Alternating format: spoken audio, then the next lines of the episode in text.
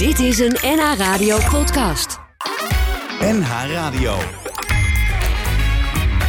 Tekst en uitleg. Jos Heremans. Misschien ben ik wel gelukkig. Laat niemand het horen. Dit is hoog verraad. Misschien ben ik wel gelukkig. Maar ben zo gewend te wachten op wat nog komen gaat. Wat ik nu voor handen heb, is om ze dicht te knijpen. Ik vrees dat ik gelukkig ben. Begin van het einde. Het grote zwart moest keer op keer gevuld worden met meer en meer. Onvrede, de brandstof voor mijn motor van verlangen. Kromme lijnen boog ik recht, scherpe randen dronk ik weg. Dan hoefde ik niet in verantwoordelijkheid te blijven hangen. Dan kon het door, dan had het zin. Zo hield het zeurend kind in mij mij al die tijd gevangen. Maar misschien ben ik nu wel gelukkig. Laat niemand het horen, dit is hoog verraad. Misschien ben ik wel gelukkig, maar ben zo gewend te wachten op wat nog komen gaat. En ik zei, I'm just passing by. Hecht je vooral nou niet aan mij, schat. Het is een kwestie van tijd voor ik weer verder reis en alleen op die trein stap. Ben altijd onderweg, altijd onrustig. Onrustig. Te nuchter voor sprookjes, geloof niet in lang en gelukkig. Het is zoeken, Vinden? vluchten. Ik heb de muren verstevigd. Ik verdedig mijn rij. Ik heb een gracht gegraven, brug opgehaald, maar voor de poort verscheen jij. Alsof er iets buitenaards in het spel is. Ik wil het niet. Haal het weg. Het is geweldig. Ik weet niet hoor, het is een trip met niks op. Een ruimte vol mensen in een waas ligt ze op. Dacht dat ik heel wat wist en heel wat was. En je wil van glas. Little did I know, het was verzonnen. Ik dacht ik bouw een bastion, maar was een bange jongen. Steeds dezelfde film in de twaalfde ronde waar ik neerga als een vlinder en besluit ruts te worden. Misschien te lang doorgegaan.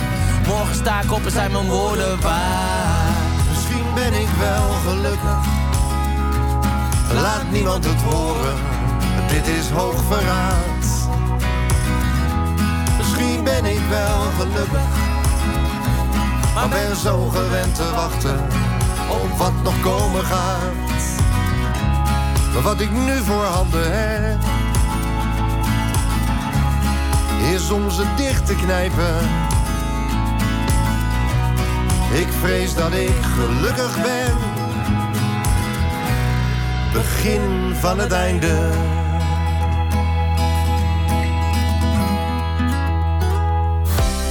Goedemiddag, welkom bij Tekst en Uitleg op deze zaterdagmiddag. We hebben weer eh, mooie muziek voor je klaarstaan. We zijn tot eh 7 uur eh, bij je. En in het eerste uur, zoals gebruikelijk, een gast. En vanmiddag is dat Eva Postuma de Boer. Goedemiddag. Goedemiddag. We gaan het hebben over eh, jouw eh, nieuwe roman.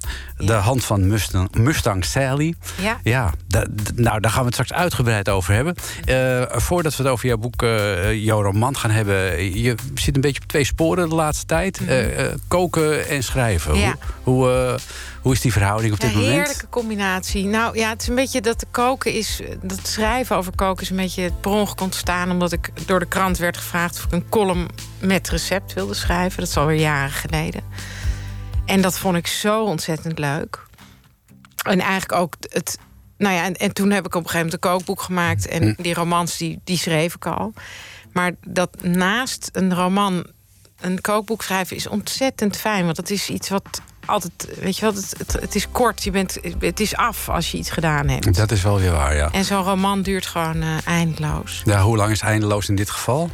Nou, mm, drie jaar ongeveer. Oh ja, dat is best lang. Ja. Ja. Nou heb je bij schrijvers altijd het idee... die moeten in volledige afzondering eh, met hun zielenroersel aan de gang... en dat Mhm. dan op papier zetten. Maar, maar jij bent niet zo'n schrijver.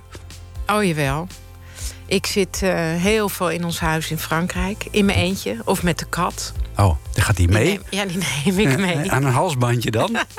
Nee hoor, die wil ook uitgelaten worden in het bos twee keer per dag. Dan Echt loop ik een rondje met hem. Ja, het is een soort hond. En die blijft dan bij je? Ja, ja. Wat ja. bijzonder. Nee, het is heerlijk dat hij meegaat. Maar dat doe ik wel alleen als ik minstens twee weken ga. Oh, ja. Vind ik het zielig. En zit je dan een beetje het goede deel van Frankrijk met een zonnetje erbij? Of, Nou, eh, in het midden. Oh, Niet altijd een zonnetje, maar dat is ook niet erg hè, voor het schrijven. Nee, een open haartje en een beetje een, een wollen trui is ook wel, Ook eh, leuk, ja. is ook wel goed. Ja. En hoe schrijf jij dan? Schrijf jij eh, met de hand of met een computer of op een ouderwetse typemachine? Mm, ik schrijf en een soort dagboekachtig stukken met de pen. En de, de kroontjespen of eh nee, vulpen? wel een heilige vulpen. Die helemaal daar, waar niemand aan mag komen. En eh, die ik, die ik hand, met de hand met zo'n met die ik echt met zo'n pot inkt nog vul. Oké. En ehm, met, met snel drogende inkt, want ik ben links. Dus Oh ja. ja, dan, en die, die, de inkt komt dan weer uit Ja, Amerika. Dat heeft een vriend voor mij geregeld. Van nou, dit moet je hebben. Oh, die droogt heel snel op. Die droogt Ja, sneller want op, anders waardoor je steeds natuurlijk. Anders ga je met je linkerhand door je eigen letters.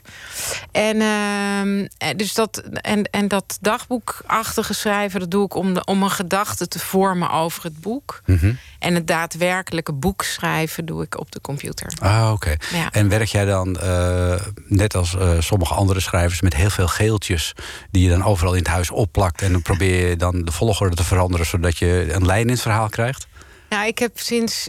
Eh, Dit is het tweede boek waarbij ik eh, een, een computerprogramma heb gebruikt. Dat heet Scrivener. En dat is eigenlijk een beetje dat. Dus daarin kun je helemaal de volgorde aangeven en ook veranderen. En dan heb je de, voortdurend overzicht waar je bent. En eh, dan, dan kan je alle hoofdstukken opzetten en subhoofdstukken. En, eh, Oh, wat super praktisch. en dat was zeker in dit geval omdat ik heel veel perspectieven heb. En ja, het, is, het, het was echt een, pu- een puzzelboek, zullen we Ja. maar zeggen. Met heel veel verschillende personages... Ja. die we straks Ja. allemaal gaan behandelen. Oh, leuk. tot, in, tot in de diepste details. Maar laten we eerst even eh, naar de titel gaan. Ja. De hand van Mustang Sally. Ja. Eh, ja, dan zit ik meteen alweer met mijn hoofd eh, bij Ennio Morricone of iets dergelijks. Maar hoe kom jij op die titel? Ja, eigenlijk als ik hem ga verklaren, dan geef ik het plot weg. Dus dat kan niet. Nee, maar la- Eh. la- laten we even zeggen, hoe, hoe, kwam, hoe kwam je... Want het is de titel ook van een lied. Ja. Hoe kwam je bij dat lied? Had je dat lied in gedachten en dacht je... dat wordt de titel van mijn roman? Nee, ik had eh, een naam van een personage en dat was Sally. En toen, eh, en, er is een, en haar vader eh, is iemand die iedereen in het boek, dus die geeft iedereen voortdurend bijnamen. Mhm. Ah, en hij noemt zit- haar Mustang Sally. Kijk, zo zit dat. We draaien normaal gesproken alleen Nederlandstalig in dit programma. Mhm. Maar omdat jij het bent, is hier Mustang Sally van Buddy Guy.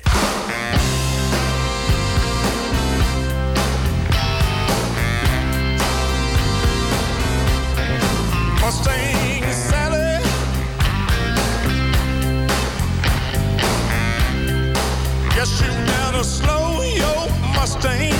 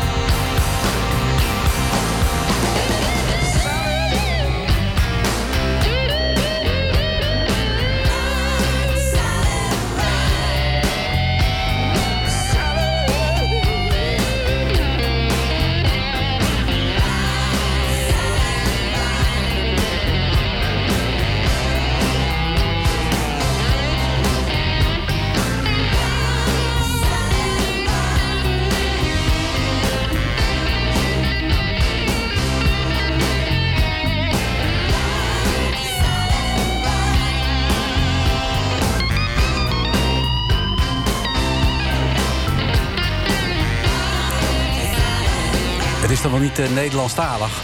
Maar dit staat natuurlijk wel als een huis. Mustang Sally van Buddy Guy. En uh, dat draaien we omdat uh, Eva Postuma de boer te gast is. En uh, het boek dat zij heeft geschreven, haar laatste roman... die heet ook De Hand van Mustang Sally. Goed, Eva, laten we even bij het begin beginnen bij jouw boek. Mm -hmm. er is een dorpje aan een dijk. Ik denk dan meteen aan Noord-Holland. en ja, daar gebeurt wat. Wat wil je daarover kwijt? Nou, dat kan ik gewoon vertellen, want dat gebeurt op de eerste bladzijde. er zijn mensen die, me dat, die, die, die, die daar niet heel blij mee zijn. Het is een ongelooflijk heftige gebeurtenis. Mm er wordt een jongetje van uh, zes doodgereden door een vrachtwagen.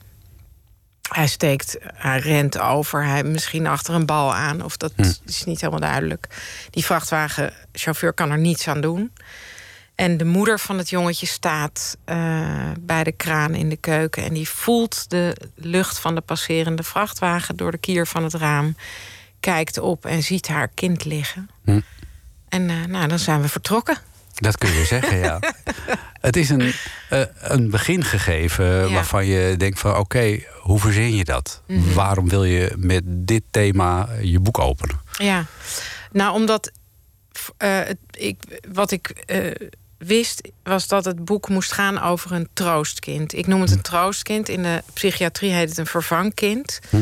En ik heb een vriend gehad die was dat. Daardoor is ook mijn fascinatie voor dat fenomeen ontstaan. En ben ik in, in, die, uh, ja, in alle literatuur, of de weinige literatuur gedoken die daarover bestaat. En um, ja, dus Vincent van Gogh was ook een vervangkind. Ja, de, de, laten we even daar. Ja, dus dat is zeg maar een, een, kind dat geboren is nadat een broertje of zusje daarvoor is overleden. Ja, en uh, in de jaren, ik heb ook uh, uh, wat artsen gesproken, omdat in de jaren 70, 80, mm -hmm. in Nederland in elk geval, was het vrij normaal dat als, als je een kind had dat overleed, dat de huisarts zei. Nou, maak maar zo snel mogelijk een nieuw kind, dat helpt. Niet eens de pastoor. Nou, misschien ook wel de pastoor, maar huisartsen, dat Die huisartsen dat zeiden is wel echt bekend. Oké. En um, nou ja, dat gebeurt niet meer, maar dat is niet iets wat echt besloten is. Hm. Er is nooit een, een, soort in Nederland, in de politiek of wherever gezegd: dat doen we niet meer. Dat is. Ja, dat, dat doen we gewoon niet meer. Maar dat was toen normaal. Dat dat, dat, dat zo uh, zeg maar onder de aandacht gebracht werd. Ja, ook. van nou, doe, doe dat maar dan. En, ter, en, en nou, ouders volgden dat dan op. En dat ging niet altijd goed. Want ja, die mensen die waren natuurlijk in de rouw. Ik bedoel, de rouw om een Hm. kind duurt misschien wel een leven... maar zeker de eerste jaren is het natuurlijk echt niet te doen. Nou, dan wordt dus een nieuwe baby geboren in Hm. zo'n situatie van rouw. Ja. Uh, dat kind is niet dat kind dat dood is. Uh, en dat kind wordt geboren met een taak op de schouders die niet, ja, die, die, Ja, die niet kan. Je kan niet de dood van een ander kind goed maken. Nee, het gebeurde in het verleden ook nog wel dat ze het kind dan ook nog dezelfde naam gaven. Ja. Ik ken verschillende mensen, zeker nu met dit boek wo- word ik ook door veel lezers benaderd die zeggen: Ja, ik ben ook zo'n troostkind. En dan hoor je inderdaad vaak dat mensen, ja, mijn, mijn zusje dat overleden is, heette zo en zo Hm. heet ik ook. En Hm. ja.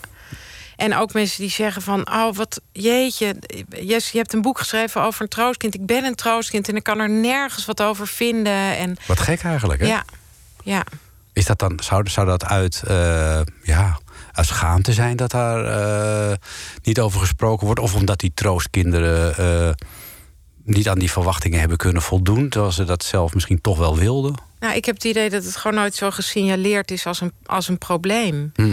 Dat, ehm, kijk, er, ik, heb- wat ik aan onderzoek uit het, wel heb ontdekt, is dat veel troostkinderen hebben een destructieve kant in zich. En dat komt omdat ze zich het leven niet waard vinden. Hè, ze, ze lopen in de schaduw van een ander kind. En nou, eh, dat is natuurlijk lang niet voor elk troostkind, zoals met alle dingen aan de hand. Je Maar kan- misschien heeft dat ook te maken met de periode die ertussen zit... tussen zeg maar, het verongeluk of het Mhm. sterven van je eerste kind... Mhm. en eh, de geboorte van dat Ja. troostkind. Want Ja. eh, ja, bij, bij sommige mensen is het, schijnt het te gebeuren... dat het, eh, het gewoon twee maanden daarna... eh huppakee jongens, eh, zo Ja. snel mogelijk. Ja. Is, is daar een lijn in? Heb je dat kunnen ontdekken in je Nee, research? want daardoor, daarvoor zijn er echt te weinig onderzoeken gedaan. Mm. Tenminste, die ik heb kunnen vinden. Het is, ik, ik, ik, en het is ook niet zo dat elk vervangkind of elk troostkind zo destructief wordt. Hm. Ehm, maar dat, nou ja, die destructiviteit, die, daar, die is wel, eh, wordt wel vaak genoemd. Ja, Ja, dat gebeurt ook een beetje met eh, jouw troostkind in het ja boek. zeker. Ja. Eh, Kjelte Ridder. ja, Ja. ja. Kjelte Ridder was trouwens... de, namen van personages is altijd even... Lastig. Ja, is altijd lastig. Zit ik altijd lang op te kouwen. En mijn dochter had het op een gegeven moment over haar geschiedenisleraar. En die heette Kjelte de Ridder. Echt waar? Ach, Van haar middelbare school. Oh, dus ik, ik, eh, ik moet die man nog even een boek eh, eh, cadeau doen. Want zou ik zeker Ik doen, ben ja. hem enorm dankbaar voor zijn naam. stel toch dat dat ook een troostkind is. nou, dat zou, dat dat zou de cirkel wel rond zijn, toch? Ja, jeetje. Ja. Ja. Je, je zei het net al, die, die, die hele familie die is in rouw. Mhm. Hè, die vader en die moeder, want dat, dat kind is dood. Maar er is ook nog een zusje. Ja, ja. Janna. Ja, dus we volgen, eh, we volgen eh, de moeder, eh, Louise. We volgen de vader, Rijk. en het zusje Janna. En, we- dus we zien het gebeuren vanuit al, al die perspectieven. En, maar we volgen ook de vrachtwagenchauffeur Stan. Ja. Ehm, en we volgen ook weer andere mensen op de dijk. Maar eigenlijk iedereen die uiteindelijk eh, een, een echte band heeft met Kjeld, het troostkind, die volgen we Ja. in het boek. Ja. We gaan ze straks eh, eh, volgen. We gaan eerst even naar waar we het net al over hadden. Het duurt best lang om zo'n ja, zo'n verlies te verwerken. ja. En een van de mooiste liedjes die daarover geschreven is, is van Joost Spijkers. Alle seizoenen.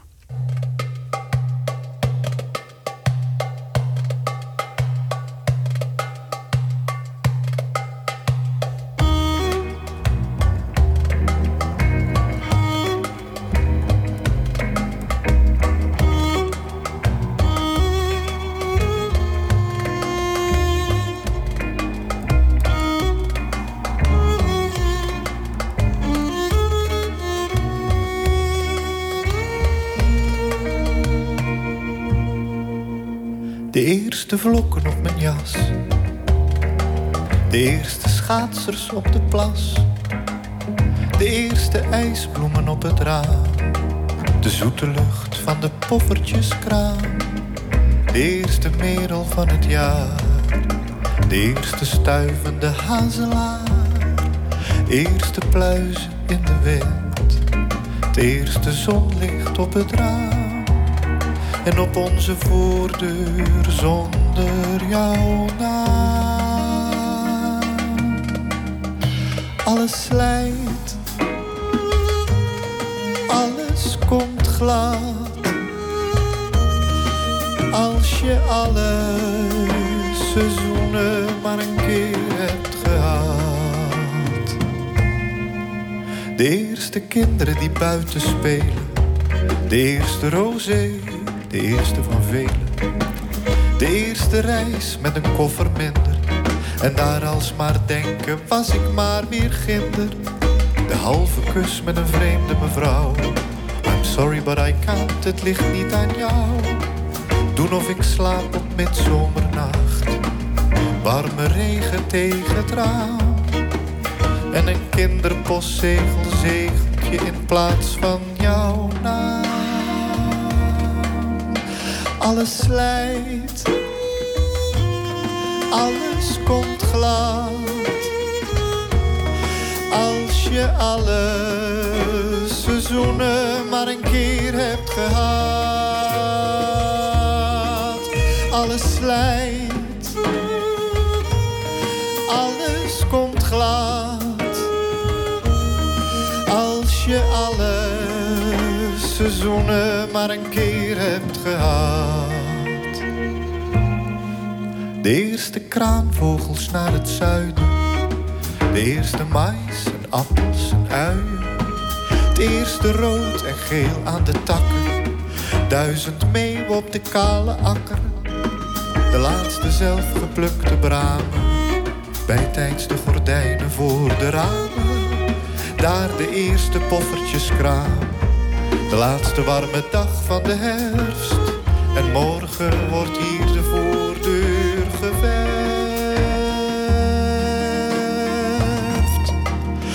alles slijt.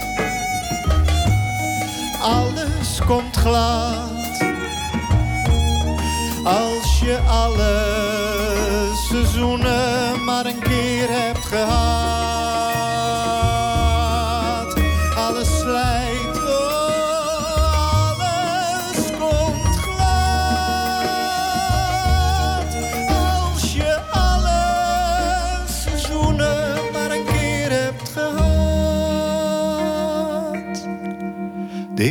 Vlokken op mijn jas.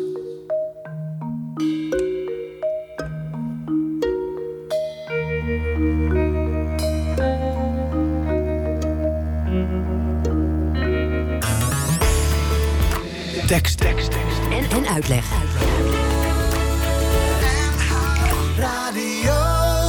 Joost Spijkers was dat met eh, alle seizoenen. We praten in tekst en uitleg vanmiddag met eh, Eva Postuma de Boer.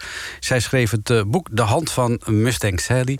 We zitten onderaan de dijk. We hebben een gezin bestaande uit Rijk, kunstenaar, moeder Louise. We hebben dochter Jana, het overleden kind. En, en dan komt het troostkind, Kjeld. En dan komen we, daar waren we gebleven, bij degene die dat kind heeft doodgereden. Ja. Ja. Dat lijkt me ook onvoorstelbaar. Ja, daar heb ik ook heel vaak in mijn leven al aan gedacht. Ik bedoel, dat zal iedereen wel hebben die, uh, die, die uh, in een auto stapt. Weet je wel? Ik bedoel, dat je denkt, het zal me maar gebeuren dat ik iemand doodrij. Ja, En ehm, ja, eh, eh, per ongeluk neem ik aan. Dat we, ik bedoel, maar ja, hoe, hoe moet je daarmee leven? En, ehm, nou, en in dit geval dacht ik ook, ja, je hebt de ouders met hun eh, diepe verdriet. Maar hoe, hoe, ik was zelf ook echt nieuwsgierig naar Mm. die man die dat gedaan had. ja. En eh, ja, ik wilde me daar graag in verplaatsen. ja dat was ook een man die... eh, en dat, dat maak je ook in je boek heel, heel mooi duidelijk. Ja, die, waarvan je eigenlijk denkt... het overkomt hem eigenlijk ook maar. Er is, Mhm. er is best... Ja, je, je, je neemt het bijna voor hem op op een gegeven moment. Ja. Nou ja, hij draagt het ook zijn leven mee. Hm. En het is niet zijn kind. Hij heeft dat kind niet. Hè, hij heeft niet van dat kind gehouden. Maar het is, het is natuurlijk ook verschrikkelijk. Dat laat je nooit meer los. Ja. En hij gaat ook proberen eh, eh, vergiffenis eh, te vragen. ja. Ze wonen ook bij elkaar Want in ze de buurt. wonen bij elkaar aan diezelfde dijk. En hij komt daar elke dag langs. Dus het, weet je wel, dat, dat maakt het ook. ja. En deze man, het is een, een simpele ziel, maar met een, met een groot hart. En eh, ja, ik, ik ben wel van stand gaan houden. Maar ik vond het ook belangrijk om te laten zien in dit boek. Daar zijn al die verschillende perspectieven ook zo Mhm. fijn voor.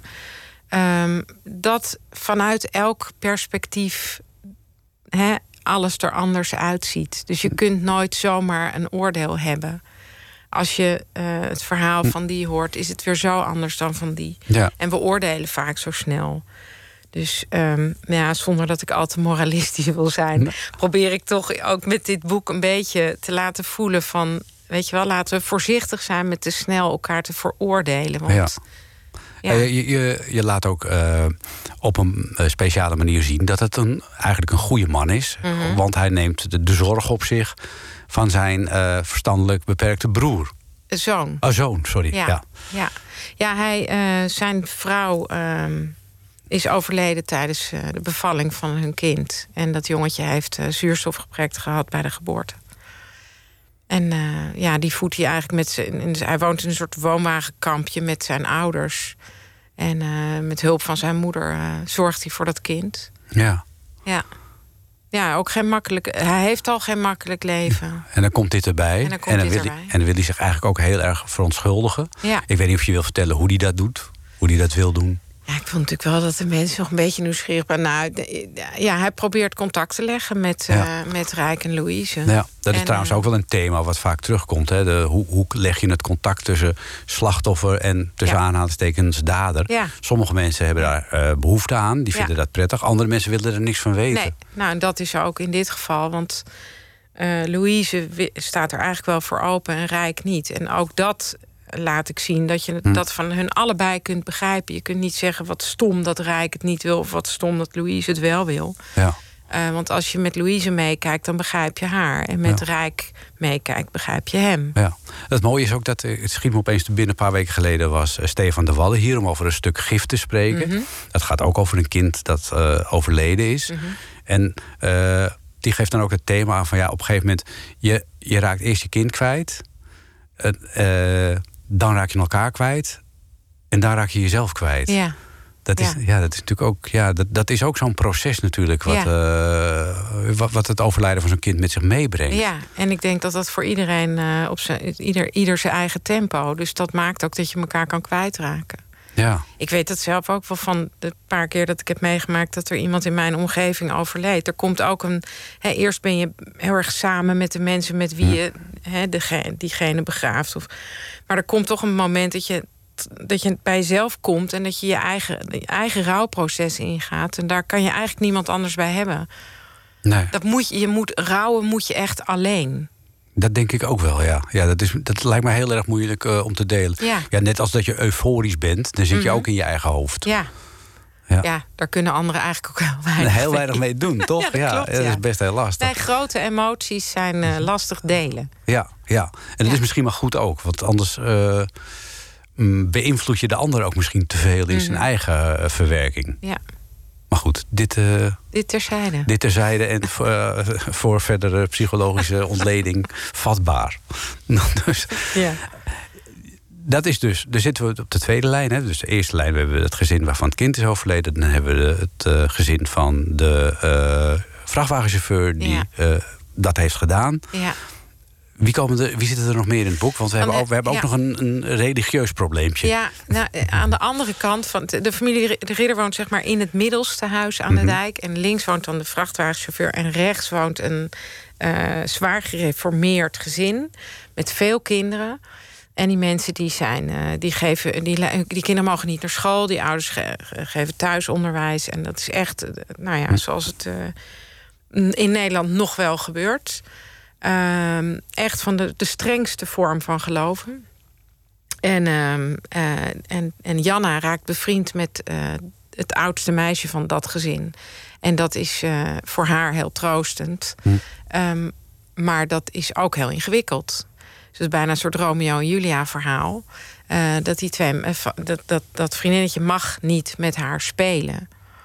Ehm, nou, en, en we volgen al deze mensen over 40 jaar. Dus het gaat ook generaties door. En we zien Janna later ook volwassen. En we zien ook hoe dat verder gaat met, dat, met de andere kinderen in dat gezin.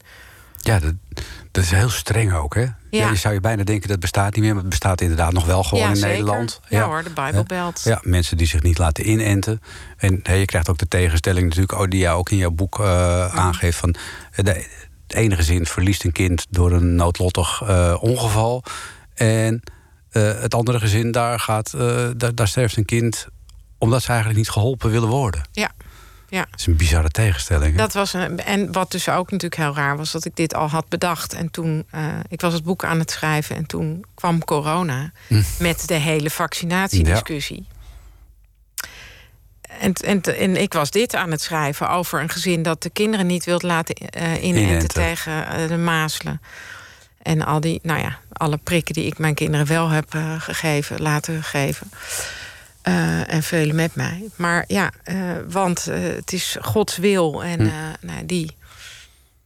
Ehm, en wat ik zelf merk is dat ik dat moeilijk te verkroppen vind. Maar ik vind aan de andere kant dus ook heel erg dat je elkaar niet mag veroordelen. Dat is best lastig, toch? En dat is, ik vind dat in deze da- dan weer heel lastig. En dat vond ik ook wel weer interessanter aan. Want dit is natuurlijk ook een discussie die ons hele land heeft verdeeld. Hè? Ja. Eh, wel of niet vaccineren, Ja. QR-codes en dat soort dingen. Wat dat Ja. betreft heeft eh, corona eh, heel veel teweeg gebracht.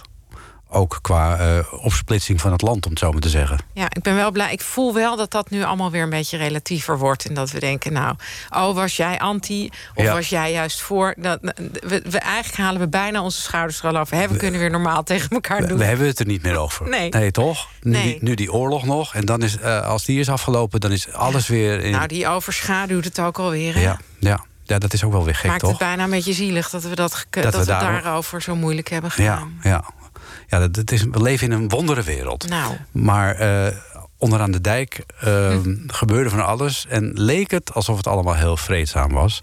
En eh, dat zag er dan ongeveer zo uit.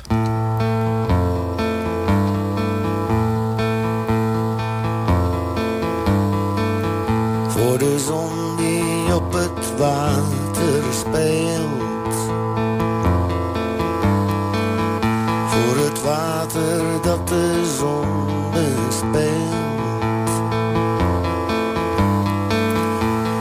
leunen bij het grijze water. Dat nooit teleurstelt en nooit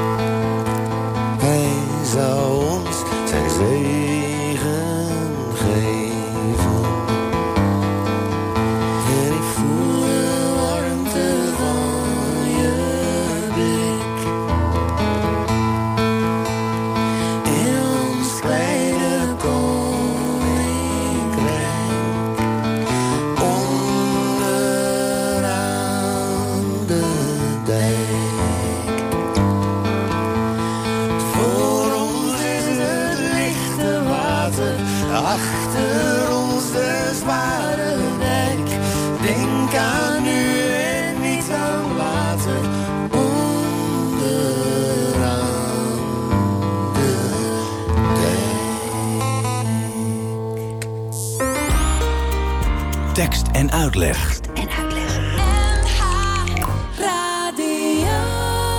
Dat was onderaan de dijk van eh, T. Lau samen met eh, Sarah Bettens. En dat, eh, die ken je misschien nog wel als de zangeres van Kate Choice.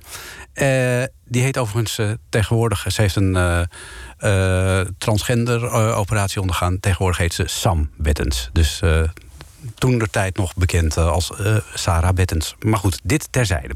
We praten in eh, tekst en uitleg met Eva Postuma de Boer... over haar boek De Hand van Mustang Sally.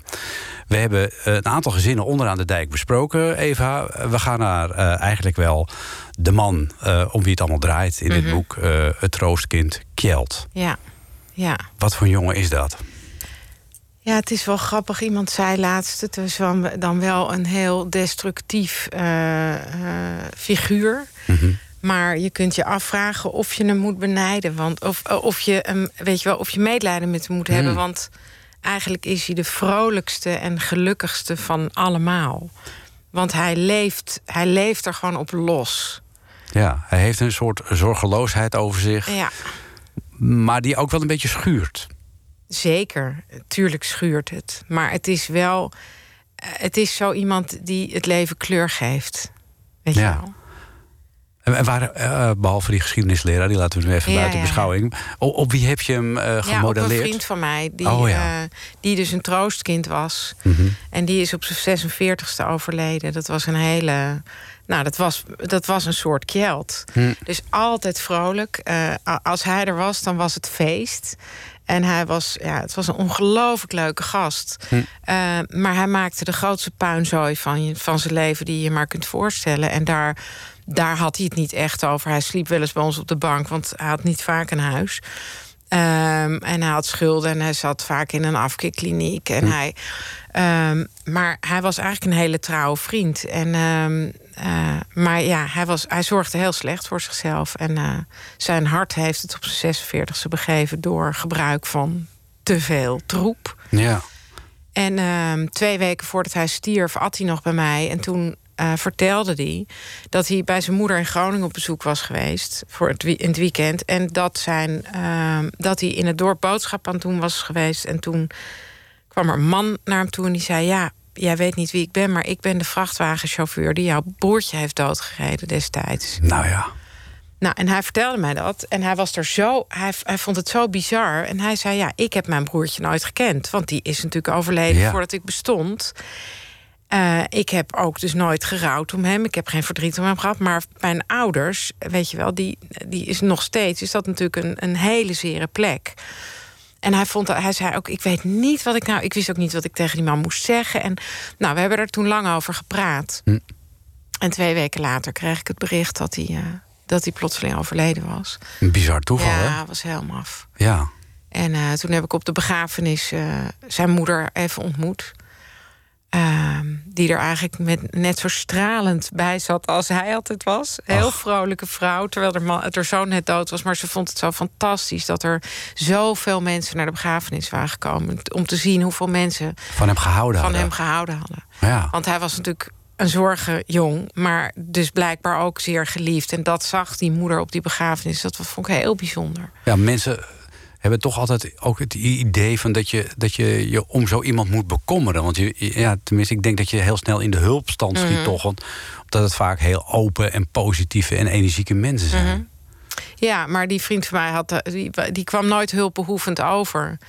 Eh, ja, die, die kwam gewoon eh, regelmatig eten of eh, even een borrel doen. En, ja, en het kwam wel eens voor dat, hij dan, dat we door, doorzakten. En dan Ja. crashte die op de bank.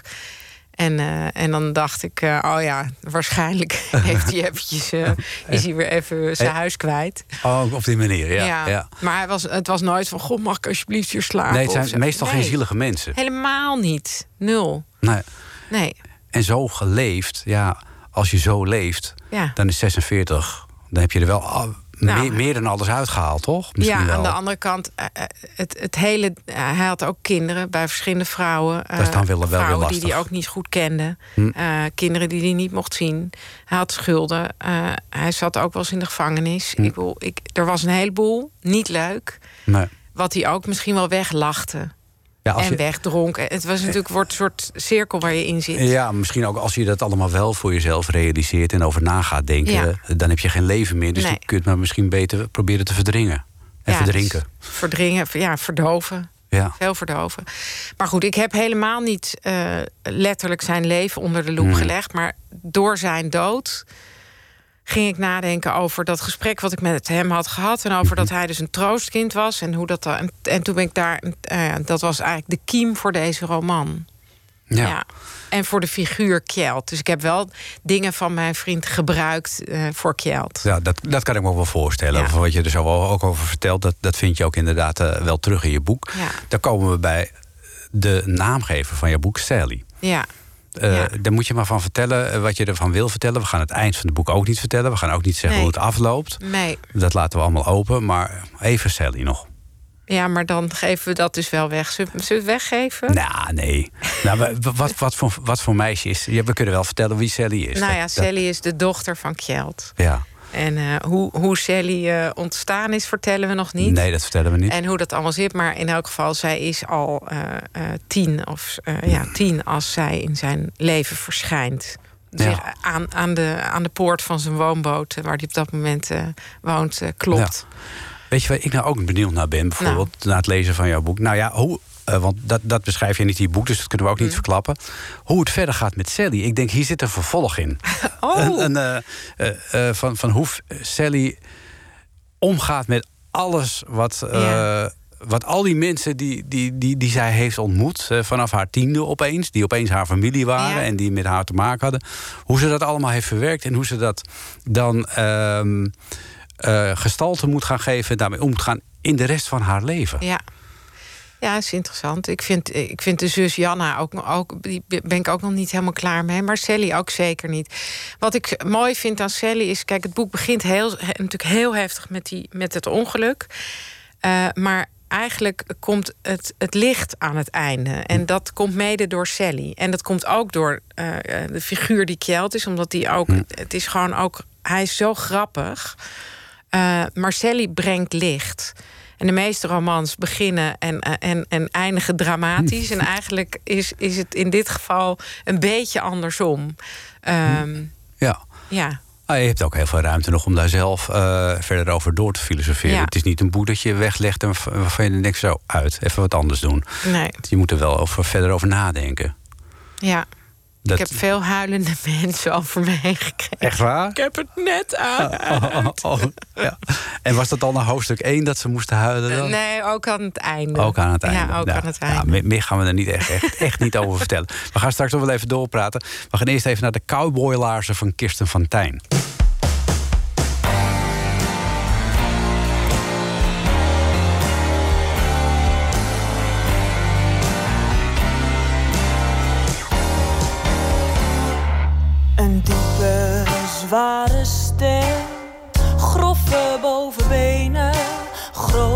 Brede handen, blauw geschaafde schenen, wangen om te kussen en een borst om op te hangen, rossige kop met haren.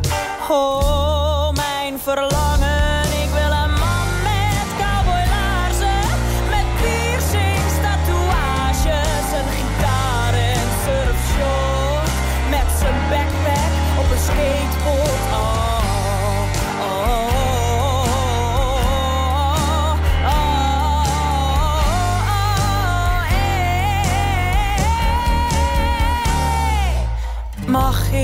met je mee op je motor of je jetski? Samen door de ruige zee, oh, mag ik met je mee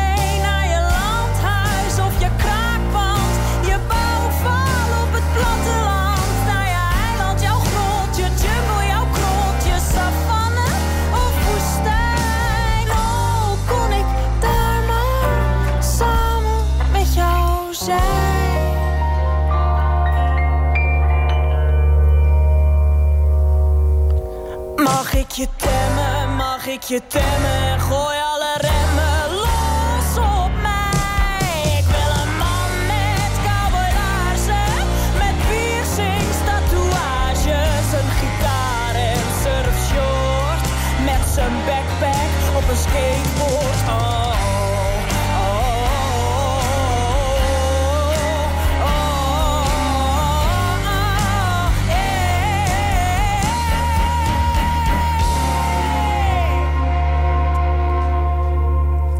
Dat was eh, Kirsten van Tijn met eh, cowboylaarzen. En jij zei tijdens het horen van dit nummer, eh, Eva Postuma de Boer... dit is Kjeld, Jazeker. met zijn cowboylaarzen. Ja, Ja, het is weer uitermate raak, dit nummer. ja, Dit, dit is ook een soort...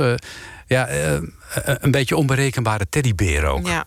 Zo zou je hem eigenlijk wel kunnen You omschrijven. gotta love him. Ja. Maar ondertussen is het ook een ontzettende eikel. Ja. Laten we wel wezen. Dat is een onbetrouwbare... Ja. ja, en hoe dat allemaal afloopt en met die familie verder gaat... en al die families verder gaat, dat moet je zelf maar lezen in het boek... De Hand van eh, Mustang Sally. Het is uitgegeven door eh, Ambo Antos.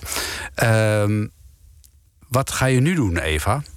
Hele goede vraag. Nou, misschien moet ik dan wel, omdat jij het zegt, door met Sally. Ja, Eh, nee, er ligt, er, er, er ligt wel al iets te sudderen ergens in mijn hersenpan. Maar ik, eh, zolang dat suddert, eh, kan ik daar nog niets over zeggen. En ik ben een, een nieuw eh, groot kookboek aan het maken. oh ja want eh, over sudderen gesproken. Ja. koken is Ja. ook een van de dingen die jou Ja. e- enorm bezighoudt. Altijd al?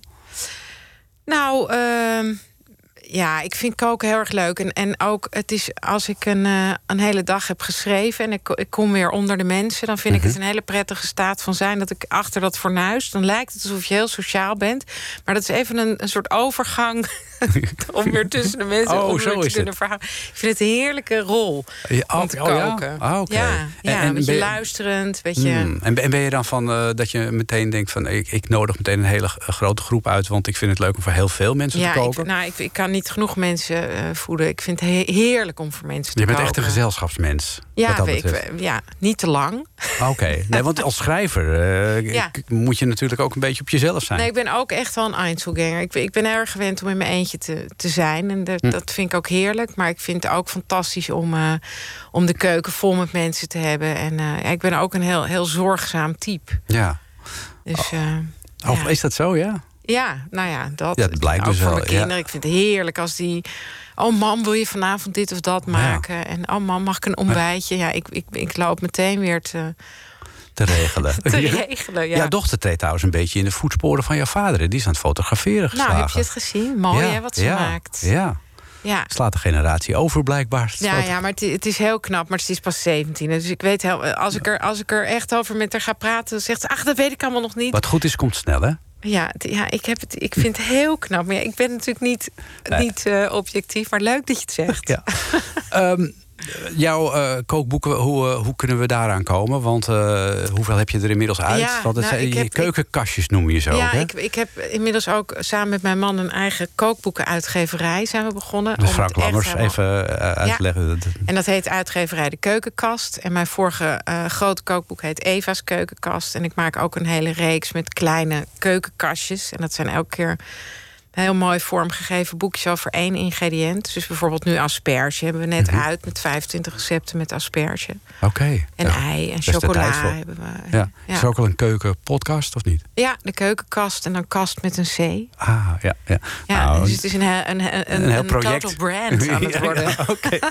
nou, daar eh, hebben we het daar ook nog even over gehad. Want het is ook wel leuk om de andere kant eh, van de schrijver... Ja, en eh, ik heb dus ook een hele mooie nieuwe website, dekeukenkast.nl. Kijk, nou, meer reclame gaan we niet maken. Nee. Eh, ik vond het hartstikke leuk dat je er was. Ja. Eh, graag tot een andere keer. En eh, ik eh, stuitte van de week op een, een groep waar ik nog nooit van gehoord had. Lou Punt. Ik denk dat je het zo uitspreekt. Het nummer heet De Stroming. En ja, eh, het kwam meteen bij mij binnen. Mm, we drinken de nacht. Mm, en verdrinken in de aandacht. Praten tot de wind ons komt halen. Dansen tot we de ochtend verslaan. Ik weet niet of wij gaan verdwalen. En waar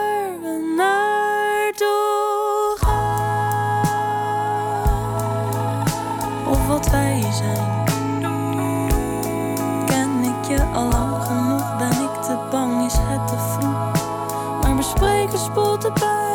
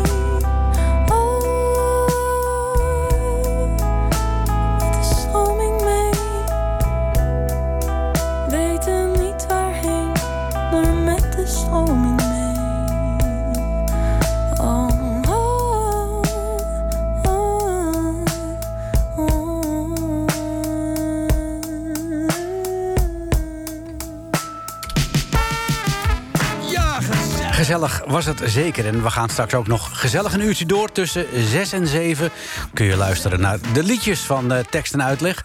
Met uh, onder andere Bram Vermeulen, Hadewig Minnes en Stefanie Struik. Tot zo. Ja,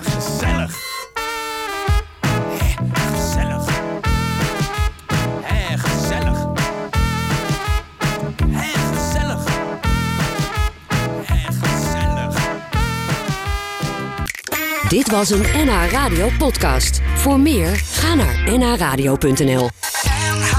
Radio.